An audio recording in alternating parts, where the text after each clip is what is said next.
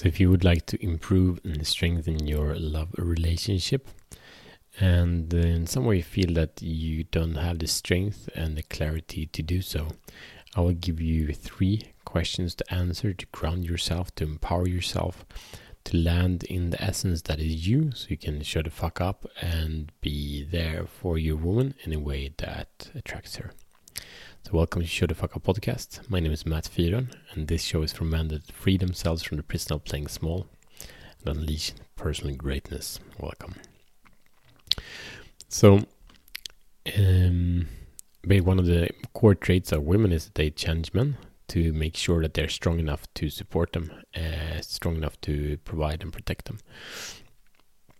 And that's hard, and many men goes into pleasing mode and uh, trying to be nice. And the cost of that long term is that these guys lose themselves, uh, really feel like there's a hole inside of them that is growing day by day, and it's really frustrating. So no, no one wins on it. So it either ends up that the guy divorces and separates from the woman, or or he does it from himself, and they're only losers. So I want to share these three questions with you that are really powerful to bring you into alignment and connect you to the to your core so that you can provide and bring the value and the gift of you into your relationship. So the first question to answer is in any situation, if it's a good situation or a challenging situation, ask yourself, um, who am I? It's good to prepare this a little bit before, but who am I? Second question is where do I come from? Third question is where am I going? If you have these, these are very three fundamental questions, and if you're grounded in these three questions in any given moment, you are a powerful source of nature and you can't be stopped.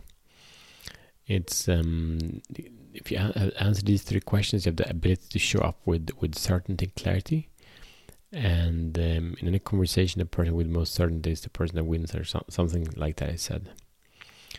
So you'll be able to own the room and um, you will be able to um, touch the hearts of others by being clear with who you are. So your mission, should you choose to accept it, is to first get check do checking on these questions so you kind of get the basic answers good, clear in you. And then when you're in a situation where you feel out of alignment and you don't really get it, ask these questions to yourself so you really can power up yourself. Uh, and if you don't can't answer these questions straight away, take a break until you do so and ask for a little bit more time, um, so you can be the best version of you.